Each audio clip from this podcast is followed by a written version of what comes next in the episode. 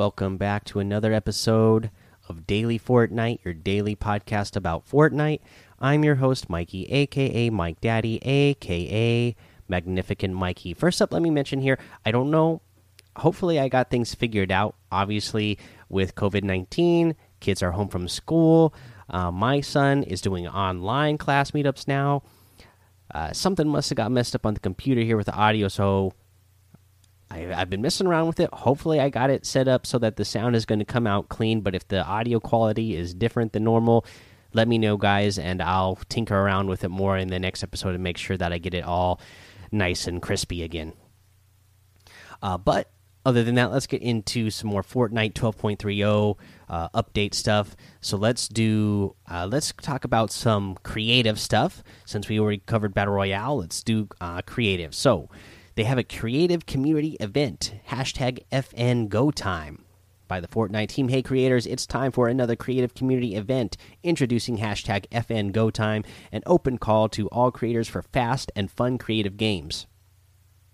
This includes, but is not limited to, party games, mini games, and and quick round base games. This is your opportunity ha to have your content featured in game and on official Fortnite social media channels. We'll be featuring content throughout the month of April and wrapping towards the end of the month.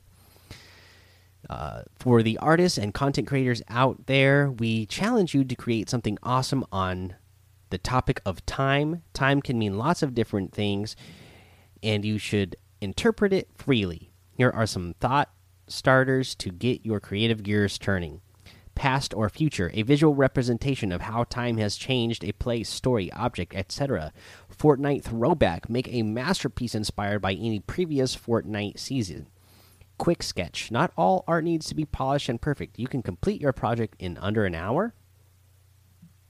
All in game content should be submitted to our official form for considerations by April 20th. Pick the genre pick list option seasonal event for your island to be considered and remember to set up a camera in your map so players have a portal preview before jumping in game.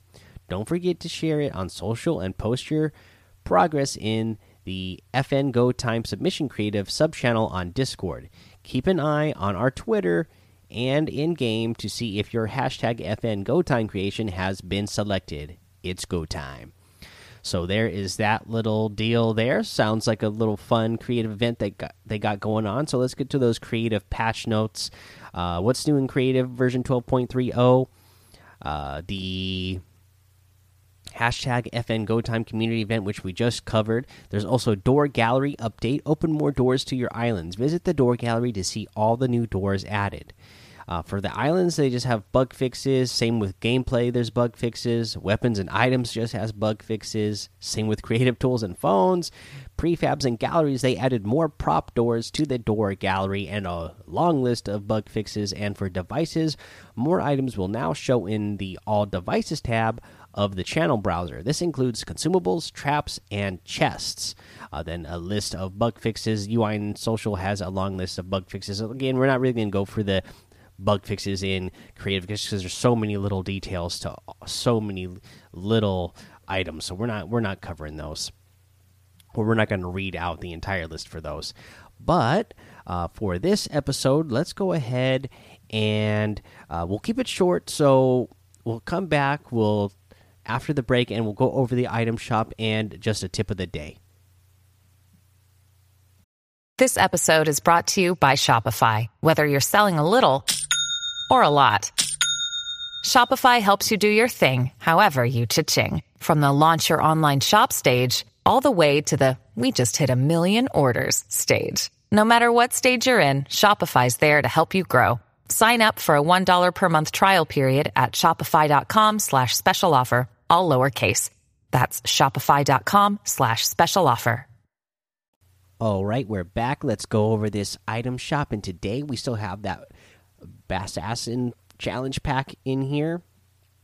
Uh, we have the Shifu outfit that comes with the kunai shield back bling in here back in the item shop i absolutely love this one uh, this one is 1200 we have the wisdom's edge harvesting tool for 500 the Astra outfit that comes with this Shining Star back bling for 1,500. This is another one that I absolutely love.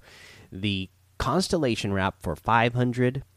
We have the uh, Goldie Lock back bling for 200. The Diamond Eye harvesting tool for 500. The Guild outfit for 800. It's a great one.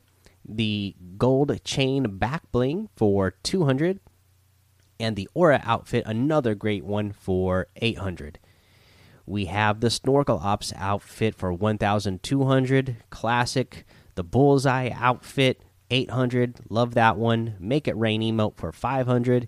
The Billy Bounce emote, one of my favorites for 500. The Disco Fever emote for 800. The Fork Knife Harvesting Tool for 500. That's all the items in the item shop today. You can get any of them using code MikeDaddy M M M I K E D A D D Y in the item shop, and some of the proceeds will go to help support the show. Now, for our tip of the day, you know we got that Kingsman umbrella. We mentioned that you don't want to fall from too high from there because.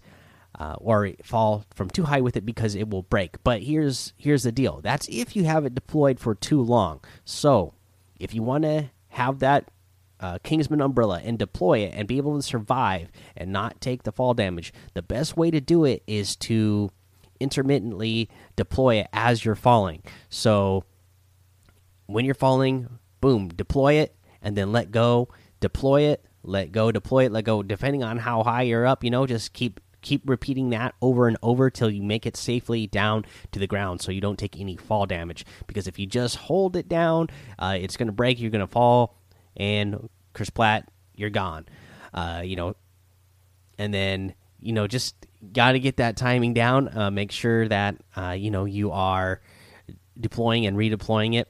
Don't just don't hold it out for too long. You can literally just like tap it to bring it out for you know a second and then let go and then drop some more and then tap it again. Uh, you're a quick tap, I guess, uh, to make sure that it at least deploys long enough to let you float a little bit. But as soon as you as, as soon as you float a little bit, just let go again, uh, and then repeat the process till you're down safe on the ground.